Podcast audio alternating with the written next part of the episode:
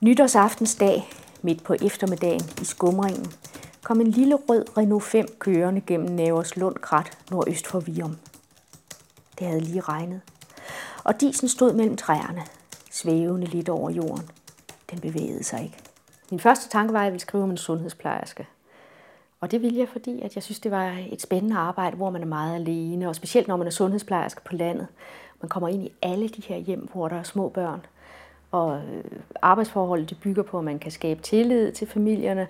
Og samtidig så har man indberetningspligt, hvis det er sådan, at der er noget, som ikke er, som det skal være. Så det tænker jeg, det var et interessant udgangspunkt for en roman. Men der gik et års tid, hvor jeg hele tiden har kigget og tænkte, jeg vil, jeg vil skrive om en sundhedsplejerske, og hvad sker der? Der skete intet. Og først efter et år, så slog det mig, jeg vil skrive et opgør mellem en voksen datter og hendes mor. Og da jeg havde fået den idé, så begyndte historien simpelthen at rulle. Hun vågnede til lyden af en dør, der smækkede, og troede, at det var nat. Men de selvlysende visere stod på næsten halv ni, og da hun kiggede ud af vinduet, så hun morgenrøden mellem træerne. Christiane sov tungt. Hun stod op og tog morgenkåben fra knagen og gik ud i entréen, hvor kulden trak op for murstensgulvet og ind under pyjamasen.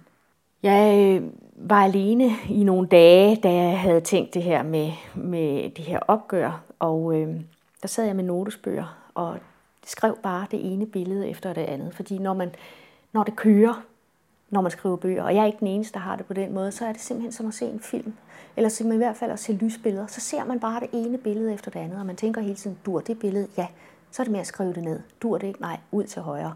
Men det er sådan en tyk, flydende, næsten nærmest fysisk øh, fornemmelse, man har. Hun skyndte sig ind på badeværelset og klædte sig på under suset fra varmeblæseren, mens hun med mellemrum skottede ud af vinduet. Nu blev grappen sænket igen, og Søren Martinsen hoppede af. Han råbte noget. Motoren blev slukket, men ikke lyset.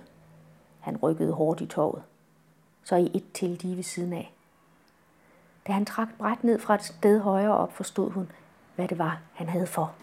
Der var sådan en missing link i romanen, mens jeg sad og skrev på den. Det var, at jeg ville have, at Solvej, min sundhedsplejerske, hun altså skulle have en skam. Og den skulle både være privat, at hun har lavet noget, som hun ikke er spor glad for, men den skulle også være professionel, hvor hun som sundhedsplejerske skammer sig over noget. Og øh, det at finde den her professionelle skam, hvor hun svigter, det var noget af det, som jeg virkelig havde problemer med, og hvor jeg fik rigtig god hjælp øh, af en kvinde, som øh, arbejdede øh, med at tage rundt i Vestjyllands Amt og øh, uddele hjælpemidler til familier med handicappede børn.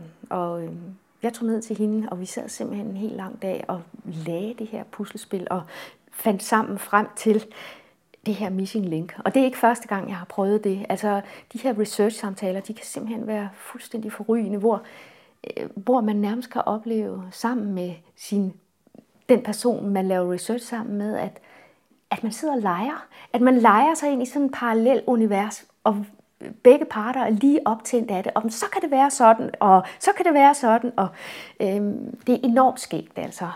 Christiane kaldte hun, kom og se.